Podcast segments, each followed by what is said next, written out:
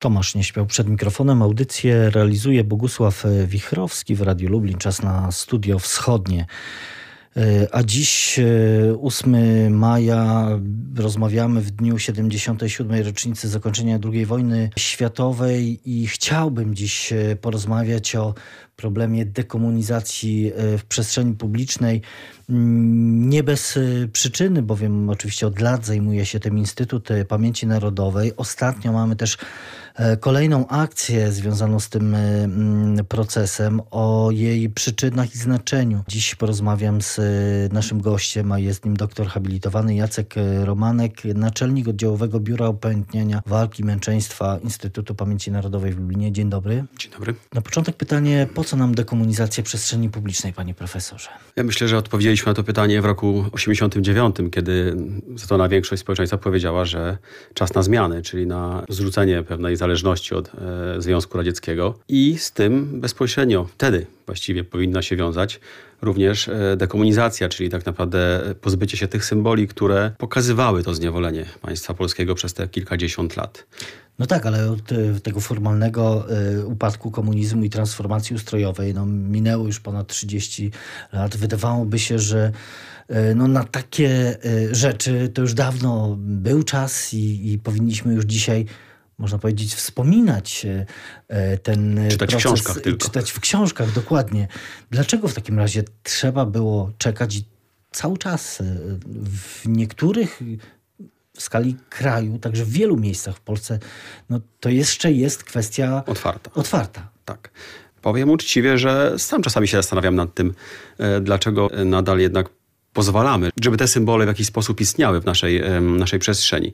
Być może dlatego, że e, wtedy mm, nigdy nie było do końca takiej pełnej zgody, żeby mm, zamknąć ten okres raz, raz na zawsze i, jeden z elementów, którym były chociażby ta symbolika e, związana z e, oczywiście PRL-em, czy, czy Armią Czerwoną, czy Związkiem Radzieckim, żeby ona po prostu wtedy zniknęła. No, potrzebowaliśmy kilkudziesięciu kolejnych lat, bo przecież ustawa o dekomunizacji jest dopiero z 2016 roku, więc to mija 20 lat, tak? E, od no, tego. Wcześniej też właśnie słyszeliśmy, że, że państwo do końca nie miało takich instrumentów formalnie. No oczywiście bez wątpienia przełomem było powstanie Instytutu Pamięci Narodowej, które de facto też w, w tym zamierzeniu też... Tylko, że Instytut Pamięci powstał w 2000 roku, tak. a ustawa jest 2016, więc no znowu mamy ogromną zaległość, tak?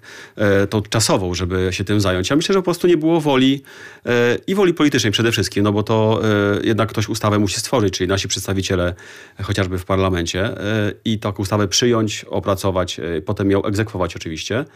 Natomiast też e, być może potrzebowaliśmy pewnego czasu na edukację też. No wiadomo, że mamy rok 89, dokonują się te przemiany w Polsce i wtedy tak naprawdę też e, mamy wolność badań, jeśli chodzi o e, okres PRL-u, czyli żeby też przybliżyć społeczeństwu rolę, znaczenie, straty, no, ten ogrom cierpień i tego, czym państwo polskie było przez te kilkadziesiąt lat zależności od Związku Radzieckiego. Więc ten czas być może wykorzystaliśmy na to, aby mm, i młodemu pokoleniu, ale i też temu, które było wychowane jeszcze w tamtym czasie, czy pamiętało tamten okres, e, przedstawić no faktycznie, czym była chociażby Armia Czerwona dla nas e, w naszej historiografii, no bo e, przecież w naszej historii chyba nikt tak naprawdę nie będzie wspominał jej pozytywnie, począwszy od roku 39, czy nawet i wcześniej jeszcze, kończywszy na roku 89. No wiadomo, że jej, jej znaczenie, czy też ta akcentowanie jej działalności na terenie naszego kraju było coraz mniejsze.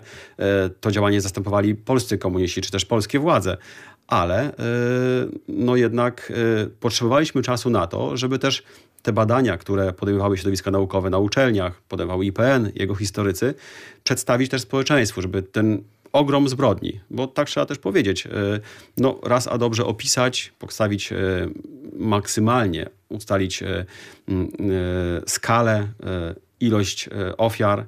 I teraz chyba jesteśmy w takim punkcie, troszeczkę też ciekawym historycznie obecnie, że może ci, którzy wtedy nie rozumieli może konieczności, a może też byli obojętni, bo tak naprawdę też pamiętajmy, że po przemianach wiele osób no, zajęło się normalnym życiem. Nawet ci, którzy przecież e, tworzyli gospodarkę rynkową, czy, czy wszystko pozostałe w państwie, no raczej e, no, pomnik, pomnik w... dla, niego, dla nich nie był istotny. Tak, to pragmatyczne pomnik, tak? powody zdecydowały, że, że, ten problem nie był A być może też ci, którzy rządzili nami, no przecież pamiętajmy, że no jednak e, spadkobiercy komunistów też w rządzie znaleźli się, tak? I oni też mogli w pewien sposób, nawet nie mogli, tylko na pewno, e, no blokowali taki bardzo formalne podejście do tego, żeby te pomniki po prostu zniknęły w pewnym momencie. Wolność e, badań naukowych e, o tyle była istotna i jest istotna, że przez te kilkadziesiąt lat jednak ta sowiecka czy prosowiecka, komunistyczna propaganda jednak tyle szkód zrobiła no właśnie w tej mentalności i w, w pamięci historycznej, społecznej, że to był przeciwnik, można powiedzieć, bardzo, bardzo duży, bardzo ważny jak widzimy, chyba nadal jest. I bo nadal okazuje się, że jednak e, to kilkudziesięcioletnie wmawianie nam mm, o tym, że chociażby w 17, 17 e, września Armia Czerwona przyszła tutaj zupełnie w innym celu, no, u niektórych osób nadal jeszcze funkcjonuje. E, także, a dzisiejsza młodzież z kolei myślę, że też e, ma ciekawsze rzeczy do głowy, jeśli to tak można powiedzieć, e, w życiu, niż studiowanie historii. To dla nas, tego może pokolenia, które już mm, odchodzi, a było świadkami, albo tego, które się interesuje, bo ma taki okres w swoim życiu, jest to istotne. Natomiast dla młodych też być może, no to już jest odległa historia. I dla nich ten pomnik, który czasami wrył się w ich pamięć, bo on tam stał całe życie, tak jak dla tych naszych pewnie być może naszych rodziców, no jest, bo jest. Jeśli nie nie ma bardzo takiej... E, mm, Ale wtedy to też, ja też mam wrażenie, że za tymi działaniami też e, szła e, cały proces propagandowy, który pozwalał budować wokół tych miejsc, wokół pomników pewne legendy, wokół postaci, którzy, które, które były tam zaprezentowane, budowano taką właśnie całą otoczkę, opowieść o, o bohaterstwie tych osób, no, już pomijając, można wspomnieć Świerczewskiego, prawda? Wręcz bohatera e, dla, dla, dla, dla wielu. Tak, legitymizowano w pewien sposób władzę komunistyczną. Tak. Ona też musiała sobie zbudować e, e, takie racjonalne podstawy bytu, tak? Czyli już nie tylko to, że no, pewnie wszyscy, czy większość wiedziała, że ona przyszła raz z Armią Czerwoną, ale no, też trzeba było sprawić, sprawić, że okres okupacji to również okres, kiedy ci ludzie, czy też ta armia, czy Armia Czerwona, czy Partyzantka Sowiecka, tutaj nam rzekomo pomaga, działa na naszą korzyść. No, taki prosty przykład to Portowe Wzgórze. Wiadomo, że e, gros e, jednostek, które tam walczą, to są jednostki Armii Czerwonej, no ale są jednak chociażby wsparte przez e, żołnierzy BH czy Armii Krajowej, oddziały Ojca Jana na przykład.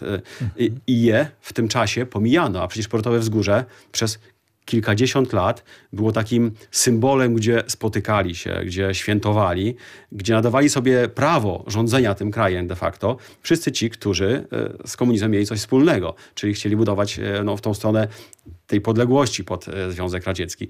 I dla nich takie pomniki były z jednej strony pokazaniem, że oni faktycznie należy im się ta, ta władza, ale z drugiej strony też mm, zapobieganiem tego, żeby ewentualnie ktoś komuś nie przyszło do głowy na przykład czcić innych bohaterów. No wiadomo, że mieliśmy też i postacie, które i wtedy walczyły mm, z komuną czy z Armią Czerwoną e, i żeby, wiadomo, że tego nie było robić można, ale jak się da zastępczo coś innego, no to ludzie się przyzwyczajają, no, pomnik istnieje. E, nikt historii nie studiował tak naprawdę do końca. Nawet ci, co robili, e, czy, czy ci, którzy studiowali historię, e, uczyli się, no też mieli to w ograniczonej możliwości dostęp do materiałów, do źródeł. To, co pan redaktor powiedział przed chwilką, m, powstanie IPN-u i w tym momencie tworzy się IPN i źródła historyczne, które były zamknięte de facto, czy urzędzie Mm, ochrony państwa wtedy, czy na milicji, czy w sądach, e, dostają tak jakby drugie życie. E, historycy mogą je dostać do ręki i mogą spojrzeć na to jeszcze raz, albo ewentualnie wyciągnąć to, o czym się w ogóle nie mówiło.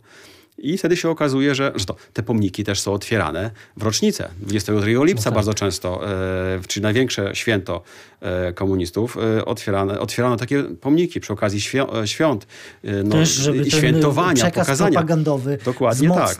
Także to wszystko jest, ma, wtedy miało, tak jak wtedy, tak jak dzisiaj, jak w każdym czasie historycznym, no, każda władza musi w jakiś sposób poprzeć swoją, e, swoją, swoje rządzenie tym, że ma do tego prawo.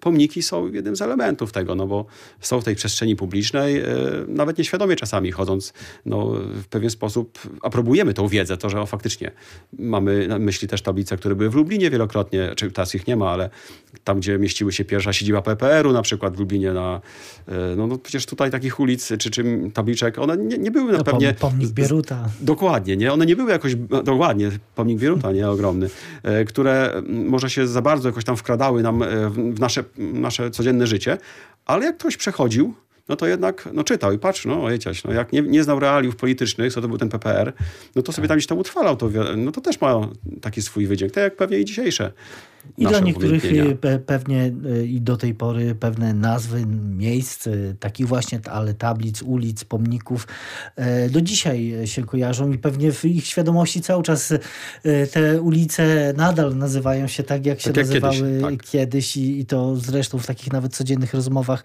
z osobami starszymi to gdzieś... Posługują się tylko nazwami, które tak kiedyś istniały. I to pokazuje, że ten propagandowy przekaz jednak no, był, był skuteczny. skuteczny. Tak. No właśnie, ale ale panie profesorze, no, y, y, przyszedł 2016 y, rok i ustawa, która no, wydawałoby się, już wtedy przecież były komentarze, dlaczego tak późno, dlaczego mm, dopiero teraz, XXI wiek, a my dopiero mamy, w sensie Instytut Pamięci Narodowej, samorządy, władze lokalne mają konkretny instrument prawny, na podstawie którego mogą podejmować no, dla niektórych społeczności wręcz odważne decyzje e, e, o usuwaniu z przestrzeni publicznej e, nazw, symboli władzy komunistycznej. Jakie znaczenie miała ta, ta ustawa 2016 roku? Myślę, że bez wątpienia bardziej już teraz symboliczne niż e, niżeli takie realne, no bo do, do, do 2016 roku no większość tych pomników jednak e, zniknęła z przestrzeni publicznej, czy nazw ulic, czy, czy nazw e, szkół, miejscowości, no bo to, to też różnie, różne, róż, tak. różnie to, to tej przestrzeni to ba, bardzo szeroko się rozgrywało. Natomiast... Właśnie, bo to dotyczyło i pomników, i ulic, i, e, I nazw tablic, szkół, szkół, no, tablic, tak, no to, no, ten, ten obszar jest ogromny tak naprawdę i on stopniowo znikał. To, to czasami naturalnie w sposób remontów czy, czy innych działań, po prostu no, faktycznie odchodzono od tego, czy zakrywano takie, takie, takie tablice chociażby. No, w niektórych e, miejscach e, faktycznie e, miał to bardziej burzliwy przebieg lub nie, w zależności od lokalnej społeczności, doświadczeń tej społeczności pewnie z, z władzą komunistyczną. Natomiast no, e, pytanie, dlaczego tak późno, i, a mamy teraz 2022 rok, ustawa jest od 6 lat, a my pytamy, po raz kolejny można pytać, dlaczego tak można późno, Można powiedzieć, prawda? mamy nowe otwarcie, tak? Kolejny Ale raz. Nowe otwarcie, dlaczego tak późno, nie? Bo 6 lat minęło, więc wydawałoby się nam, że już po tym, jak mm, do tego 16 roku miało zniknąć większość, nagle się okazuje, że my pytamy jako IPN, czy, czy też wojewoda, aby określiły samorządy czy, czy władze lokalne, czy mają takie miejsca jeszcze w swojej przestrzeni publicznej. Mm, e, no, okazuje się, że część mówi, że tak, część mówi, że nie. Mm, część została wtedy zlikwidowana, czy też e, zmienione są to nazwy, jeśli chodzi o nazwy ulic, czy też szkół. E, natomiast e, no, okazuje się, że mamy rok 2022 i jeszcze są takie wyjątki, bo to już tylko wyjątki, bo tak można nazwać, które chyba się wtedy nie przyznały i nadal walczą o, mm, o to, żeby te, te pomniki gdzieś zostały. Tak? Więc no, trudno powiedzieć, dlaczego, dlaczego aż tak. To wolno idzie i, i ludzie, którzy wydaje się sprawują władzę czasami, czyli e, jednak są świadomi tego, e, jaki jest ten historyczny kontekst e, wielu miejsc i wydarzeń w ich rejonie.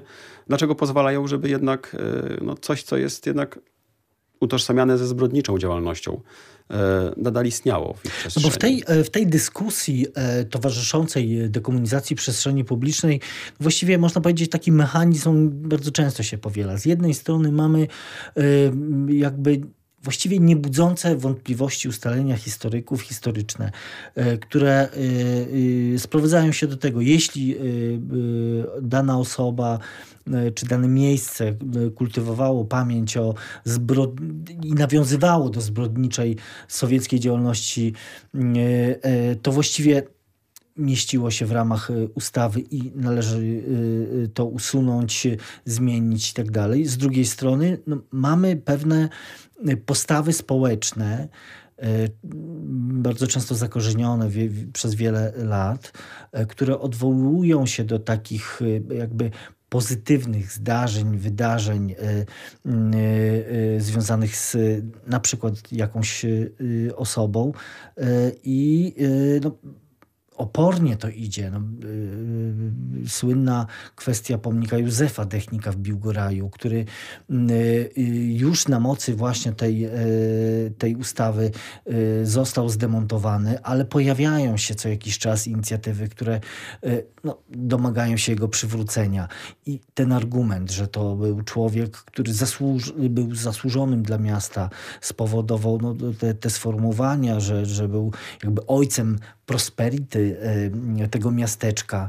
E, one cały czas się pojawiają. Te argumenty e, no, widzimy, słyszymy i jak widać one no, powracają. Dlaczego?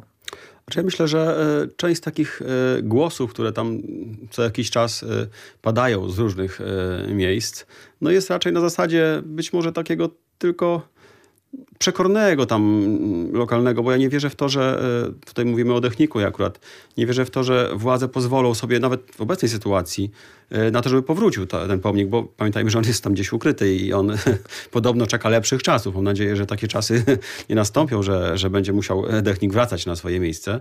Ale też e, te osoby, to są często samorządowcy, osoby wykształcone, na pewno znające historię. Ja myślę, że to bardziej nieświadomie jest. Ja nie wierzę w to, że osoba, która naprawdę w pełni świadomie e, zna historię. Ja nie mówię, żebyśmy e, rozkochiwali się w historii, czytali tak. tego nie wiadomo jak dużo, e, książek, publikacji, no tak, zastanawiali się nad tym podstawowa ale wiedza. Taki, w takiej, dokładnie, w takiej podstawowej wiedzy, no to taka osoba, jeśli chociaż trochę jest świadoma, no to i rozsądna, no to raczej takiego argumentu, żeby Dechnik wracał, no nie podniesie.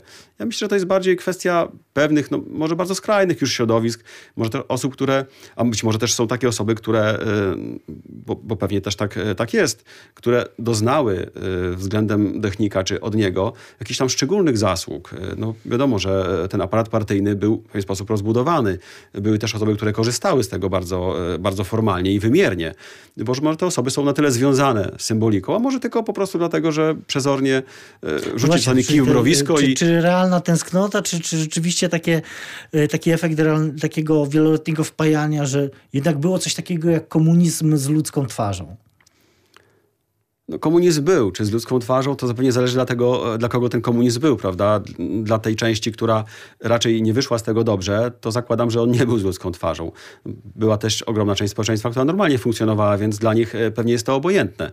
Natomiast e, dlaczego ta tęsknota?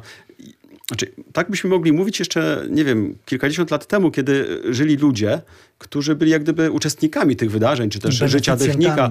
Tak, e, beneficjami tego systemu, znaczy oni pewnie jeszcze dzisiaj istnieją, e, jeśli chodzi o ich e, dzieci czy wnuki, tak? ale, mm, ale oni już pewnie są na tyle zajęci tą demokratyczną częścią działania swojego w życiu, że pewnie raczej komunizm dla nich nie jest. Być może to pewna spuścizna, którą muszą reprezentować, dlatego że wywodzą się z tego środowiska. I być może to są te głosy, które gdzieś tam co jakiś czas są podnoszone, bo zakładam, że obecnie ci ludzie, którzy mogliby za Dechnikiem głosować tak naprawdę, bo mogą go pamiętać jako tego, który przyjeżdżał jako e, poseł i tutaj faktycznie zanim przyjechały jakieś inwestycje, droga, inne rzeczy, które się tam wydarzy, wydarzyły w okolicach Biłgraja i rozrost w ogóle tego miasta, no bo to też trzeba oddać, że faktycznie e, taki nastąpił.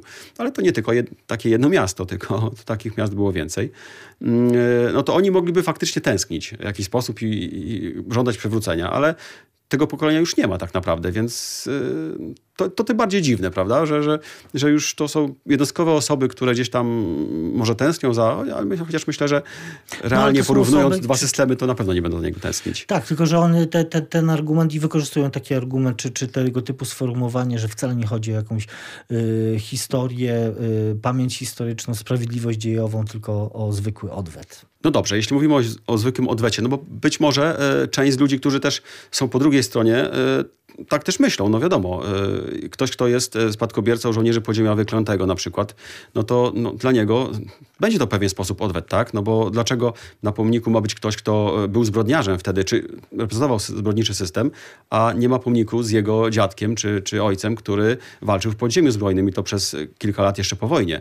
Więc dla nich to może być forma jakiegoś tam odwetu.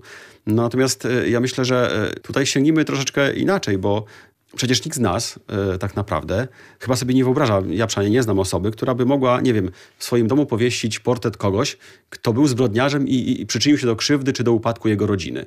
No, musimy to patrzeć w kategorii takiej, że ten system, e, proszę sobie wyobrazić, no, Armia Czerwona wkracza w 1944 roku na teren Lubelszczyzny. W przeciągu tylko jednego roku od wkroczenia wywozi z Polski 1200 zakładów przemysłowych zakładów, które owszem, no, po przejściu frontu pewnie są częściowo zniszczone po ograbieniu przez Niemców, ale to, co zostało w Polsce i można by z tego budować jakąś tam jeszcze mhm. podstawę gospodarczą kraju, ci Sowieci wywożą w przeciągu roku do Związku Radzieckiego. Przecież my byliśmy państwem, które przetoczyło się dwa razy front. Raz w 1939 roku, potem w 1944 roku. Więc co tutaj zostało tak naprawdę? No gruzy. A mimo to ta armia wywozi wszystko. Więc jak można tęsknić za kimś, kto tak naprawdę ograbił po raz kolejny, twierdząc, że nam przynosi wolność i wyzwolenie. To to zupełnie już taki argument, który no, no właśnie, ale to, to też y, y, jednak musi y, y, czy, czy, zmienić się perspektywa patrzenia na, na, te same de facto wydarzenia historyczne. Ja myślę, że może bardziej, y, żeby, żeby było w tym więcej spokoju, bo to, takie te dyskusje czasami są bardzo emocjonalne, y, ponieważ ktoś no, wchodzi na to, że tak dokładnie, że wy chcecie się zemścić za coś. Nie, no miejmy normalny kraj i po prostu te struktury, osoby, które nie zasługują na to, żeby być upamiętniane. Nawet dlatego, że może być może one same nigdy tam krzywdy komuś nie zrobiły, chociaż yy, no, tutaj bym akurat, jeśli chodzi o technika, jego zaangażowanie w 1939 roku, ja podnosił dużą wątpliwość, czy to, co on tworzył, te struktury komunistyczne czy milicji wtedy, mm, e, czerwonej milicji, bo tak to się nazywało, e, współpracujące z Sowietami, wywożące polskich oficerów, wyłapujące polskich policjantów, nauczycieli, oddające, mordujące nawet ziemian wtedy w okolicach Biłgoraja, to Dechnik wtedy nadzorował te struktury, czy one nie mają krwi na rękach, więc to, tak nie do końca zostawmy, on jest tylko budowniczym. Zostawmy y, samego Dechnika, chociaż te przykłady też są y, istotne, y, mm, ale y, na ciąg dalszy naszej rozmowy o dekomunizacji przestrzeni publicznej zapraszam za kilka chwil. Przypomnę, naszym gościem jest doktor habilitowany Jacek Romanek, naczelnik oddziałowego biura upamiętniania walki męczeństwa IPN w Lublinie. Studio Wschodnie. Studiu Wschodnim wracamy do rozmowy. Dziś naszym gościem jest doktor habilitowany Jacek Romanek, naczelnik oddziałowego Biura Upamiętniania Walki Męczeństwa IPN w Lublinie. E, rozmawiamy o dekomunizacji przestrzeni e, publicznej w związku z tym, że no, można powiedzieć, mamy kolejną nową odsłonę tego procesu. 20 e, kwietnia w miejscowości Siedlec w województwie wielkopolskim został zdemontowany pomnik poświęcony żołnierzom Armii Czerwonej. No właśnie, to był też taki moment, e, w którym e, też padło dużo takich deklaracji że no, już dziś musimy skończyć z obecnością w przestrzeni publicznej e, sowieckich pamiątek. E, jak mówił e, prezes IPN Karol Nawrocki, w kraju mniej więcej 60 takich miejsc jest przygotowanych, które mają zostać i, i też zostały w tych ostatnich dniach demontowane. Jaka jest skala tego e, procesu e, na Lubelszczyźnie, no bo, no bo mamy, mamy Włodawę i pomnik upamiętniający e, no, wspólne walki, jak to zostało określone, wojsk polskich i sowieckich. Tak, faktycznie i IPN jest tym ciałem, które opiniuje tak naprawdę, bo to wojewoda, mm, tak. warto powiedzieć, wydaje ostateczną decyzję, jeśli chodzi o usunięcie. I to usunięcie odbywa się na koszt właściciela e, nieruchomości, terenu, na którym stoi taki pomnik. Natomiast IPN jest takim organem, który ma wcześniej przygotować tą bardziej historyczną część i zaopiniować e, konkretnie to, to miejsce, wydarzenie, czy też tak naprawdę no, fakt, którego do, dotyczy e, pomnik, czy też tablica. Mamy kilkadziesiąt takich miejsc w kraju. Całe szczęście coraz mniej ich zostaje. Natomiast to jest proces, który pewnie jeszcze będzie trwał jakiś czas, zanim zdołamy też prawnie rozwiązać wszystkie kwestie. Jeśli chodzi o Lubelszczyznę, no tutaj trzeba powiedzieć, takich miejsc już nie ma dużo. Znaczy, no, nie, ma, nie można użyć, że nie ma dużo, bo one de facto powinny już dawno zniknąć e, Każde, z tej przestrzeni. Jest, jest to o, o, za dużo. Każde, które jest, dokładnie, nie powinno mieć miejsca. Natomiast e, tak naprawdę w tym momencie e, mamy dwa takie miejsca, które w jakiś sposób przykuwają naszą, naszą uwagę i, i nasze działanie tutaj co do, e, co do mm, ich przyszłości najbliższej przyszłości tak naprawdę. Jest to wspomniana właśnie Włodawa i pomnik wspólnego czynu E, rzekomo Armii Czerwonej i Wojska Polskiego mm, w okresie II wojny światowej. I mamy takie miejsce na Portowym Wzgórzu. E, tutaj e, to drugie miejsce ma dużo mniej, może, może niesie dużo mniej emocji, jeśli chodzi o, mm, o samą kwestię, bo też ma mniej obrońców, a właściwie tych obrońców nie ma tak naprawdę. Jest to taki niewielki pomnik, który mm, pierwotnie stał E, w miejscu, e, gdzie jest teraz takie duże upamiętnienie e, walk na Portowym Wzgórzu, tam gdzie widzimy taki wybuch, czterech, mhm. cztery sylwetki żołnierzy. Oczywiście na nich mamy sierp i młot i gwiazdę na dwóch z nich, także ewidentnie wskazują na, na zabarwienie oddziałów, które tam walczyły.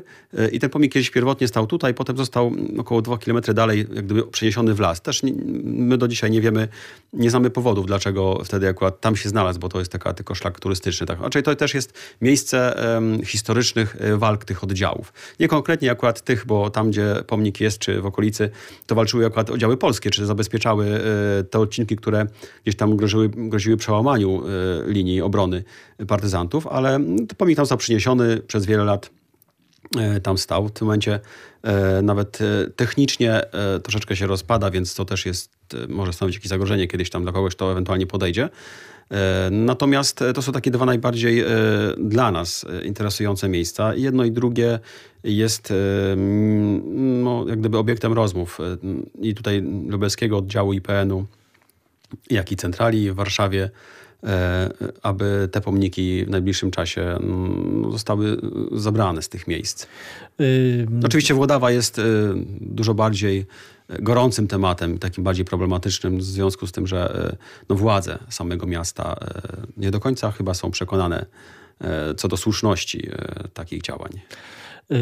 Jak długo ten proces, zdaniem pana profesora, może Y, potrwać, no właśnie, y, eliminowania z przestrzeni publicznej tych, tych znaków, tych miejsc. Tak jak powiedziałem, nie mamy ich dużo już teraz. Wiemy też, że są takie pojedyncze zgłoszenia z niektórych gmin, które tam gdzieś odnajdują jeszcze jakieś takie y, czy kamienie, czy tablice z symboliką sierpa i młota, czy, czy, czy, czy czerwonej gwiazdy i które zwracają się do nas o to, żeby to faktycznie zabrać stamtąd.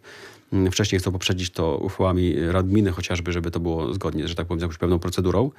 Mm, ja myślę, że w związku z tym, że mamy tych obiektów bardzo niewiele, takich, które gdzieś budzą emocje, bo też pamiętajmy, że są sytuacje, w których czasami funkcjonuje, funkcjonuje taka inflacja w przestrzeni publicznej, że to nie jest tylko pomnik, ale chociażby również pomnik na miejscu pochówku żołnierzy e, Armii Czerwonej. To jest Zdarzają istotne, się takie bo, sytuacje. Bo zapisy ustawy z 2016 tak. roku y, też... Y, y, Wyłączają tak, cmentarze z tej, z tej ustawy. Tak. Cmentarze, ale też y, muzea, zdaje się, chociażby. Tu chodzi czy, o to, że ewentualnie miejsca, które... pewne wystawy y, robione przez artystów no do właśnie. konkretnego przekazu no, nie podlegają takim, takim działaniom, czy chociażby y, ludzie, którzy zbierają pamiątki po, e, po tamtym okresie, no też nie, nie mogą nagle ukrywać, jeśli eksponują gdzieś swoje zbiory. Natomiast e, no tutaj wkraczamy tylko konkretnie w jedną, jedną przestrzeń, czyli to przestrzeń, przestrzeń publiczną, e, dostępną dla wszystkich obywateli, czy, czy wszystkich, wszystkich mieszkańców danego obszaru, w której takie, taka symbolika istnieje. Oczywiście z wyłączeniem, tak jak powiedzieliśmy, Zresztą cmentarzy. Prezes IPN o tych cmentarzach też mówił, że ingerencja akurat w, w, w te miejsca no to byłaby wręcz aktem barbarzyństwa.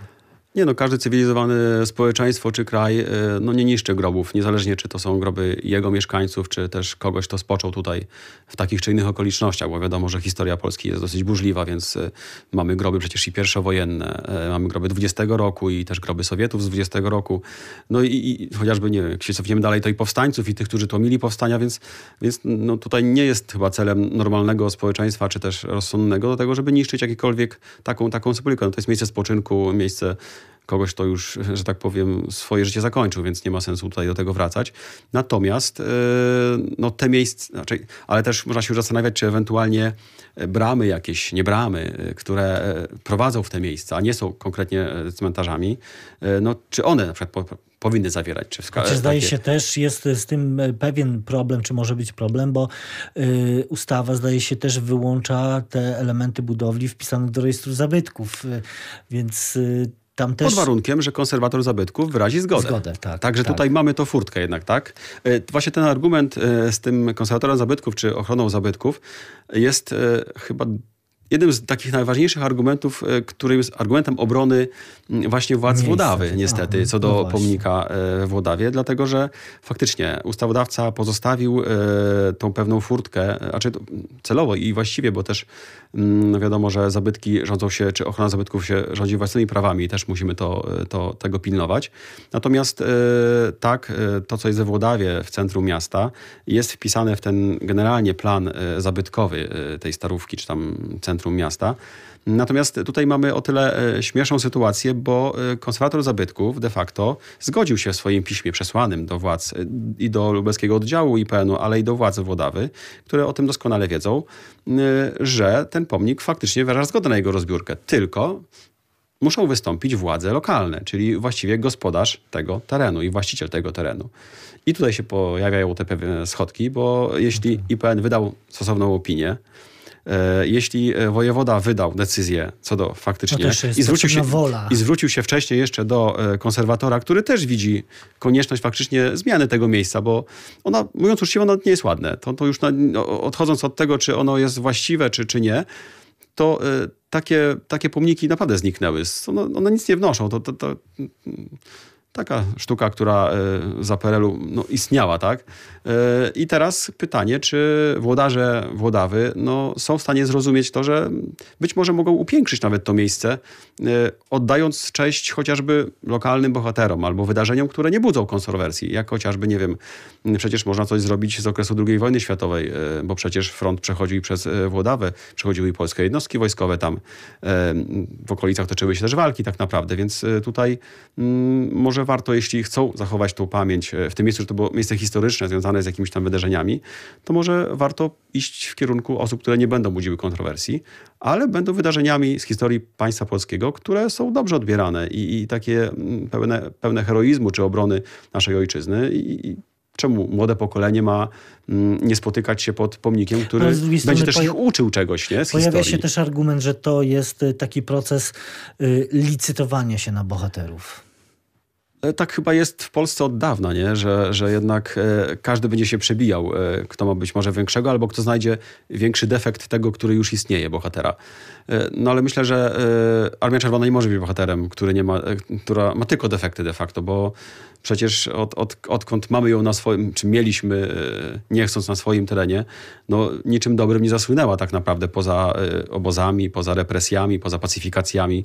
To ona zastąpiła tak de facto w 1944 roku Niemców. Bo przecież pamiętajmy, że przez rok czasu mniej więcej, od lat, od no, jesieni 1944 do wiosny 1945 cała Lubelszczyzna była poddana represjom w postaci masowych wywózek, deportacji i wręcz masowego wyłapywania wszystkich tych, którzy byli, mieli być, czy też byli oponentami nowej władzy.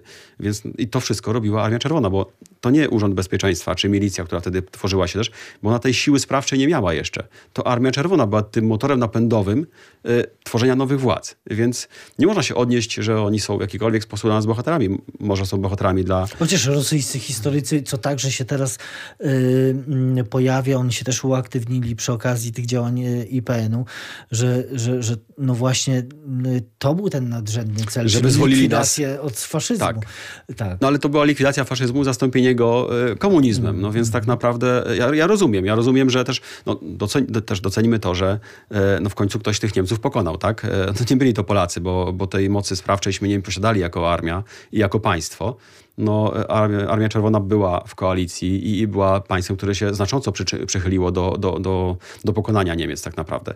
Więc oni no, faktycznie przeszli przez ten e, obszar, no ale mm, te uregulowania polityczne, które były no, zawarte ponad głowami państwa, czy mm, państwa polskiego de facto wtedy, podziemnego państwa polskiego, czy tego na emigracji, jeśli chodzi o nasze władze, e, no to te uregulowania były e, bez konsultacji z Polską.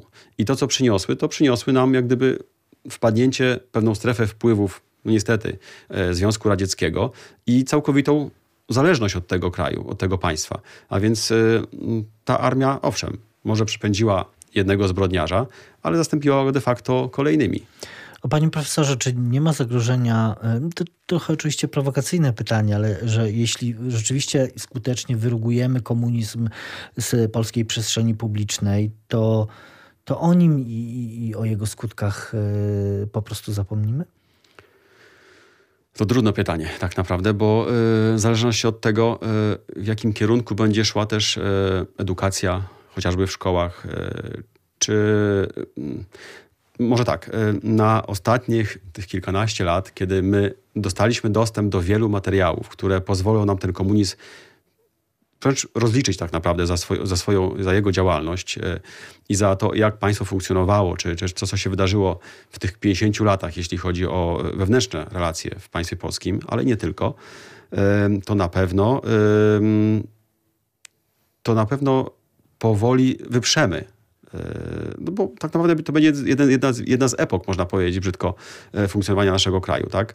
Natomiast ja myślę, że patrząc na podstawę programową szkół e, czy pamięć, no jednak ludzie chyba idą do przodu, idą z życiem. Oni raczej nie będą rozpamiętywali. Owszem, ben, znaczy zawsze jest część społeczeństwa, która jest na tyle świadoma, e, która jest też zainteresowana historycznie, żeby swoją wiedzę pogłębić, że oni faktycznie na pewno będą e, wspominali, czy będą świadomi też tego, co to był za okres.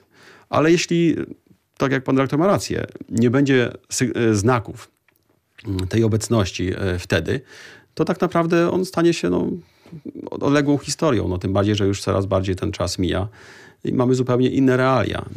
No to właśnie o tych realiach w takim razie jeszcze porozmawiajmy, bo dziś y, ten proces y, dekomunizacji przestrzeni publicznej, no, wkraczający w, jakiś, w jakąś kolejną e, e, fazę, miejmy nadzieję, że rzeczywiście ostatnią, kulminacyjną, E, toczy się e, no, absolutnie wyjątkowym momencie, kiedy Y, mamy do czynienia z wojną na Ukrainie, ale też y, zresztą nie tylko od 24 lutego, ale od co najmniej kilku czy kilkunastu wręcz lat aktywną y, propagandą rosyjską, propagandą historyczną samego prezydenta Rosji Władimira Putina. Jakie to ma znaczenie i jaka to jest może właśnie lekcja związana z tymi działaniami Instytutu Pamięci Narodowej i z tymi działaniami jakby o charakterze państwowym, nazwijmy to. Może nie lekcja, tylko pewna powtórka z historii tak naprawdę, bo faktycznie ta propaganda yy, kremlowska jest yy, obecna w Polsce od, właściwie od, od 89 roku.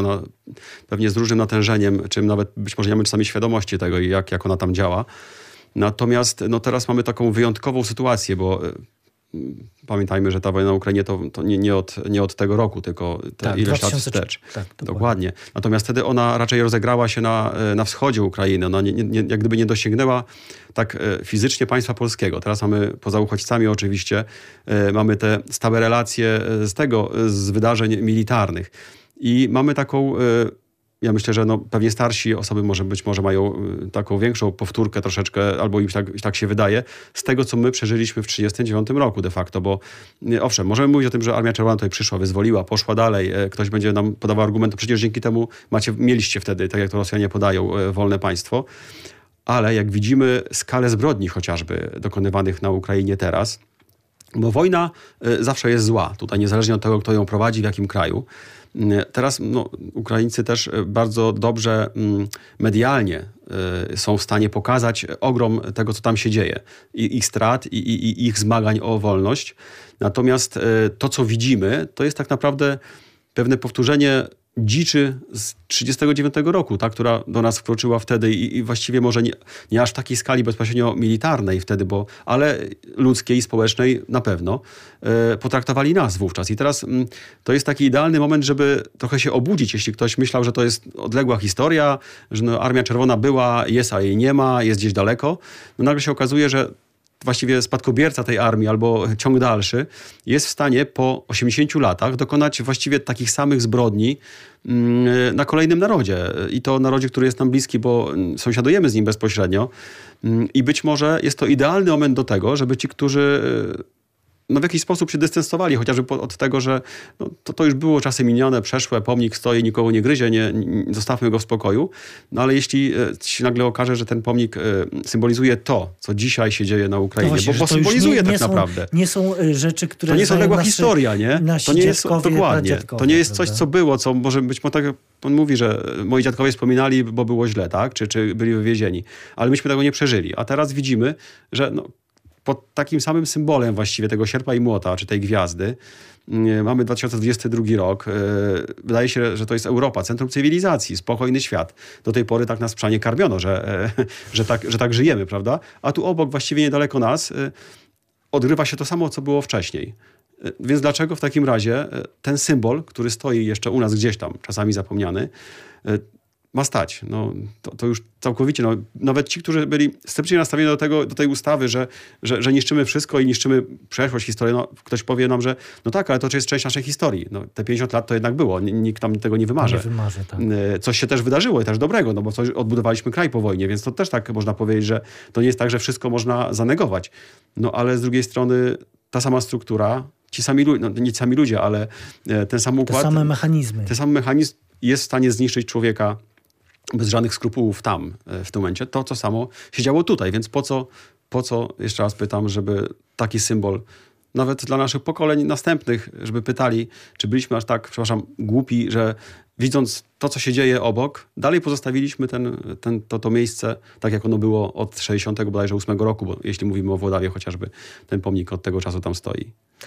Ważna lekcja, e, bez wątpienia. Bylebyśmy odrobili ją I, jak należy. I, i przyłóżmy się do, e, do tej lekcji, o, o, co apelował doktor habilitowany Jacek Romanek, naczelnik oddziałowego Biura Upamiętniania Walki Męczeństwa Instytutu Pamięci Narodowej w Lublinie, który był gościem Studia Wschodniego. Panie profesorze, bardzo dziękuję za rozmowę. Dziękuję bardzo. To wszystko w naszym e, programie na dzisiaj. Za uwagę dziękuję Tomasz Nieśpiał i Bogusław Wichrowski. Studio Wschodnie wraca na antenę Radio Lublin za tydzień. Do usłyszenia w następną niedzielę po godzinie 14.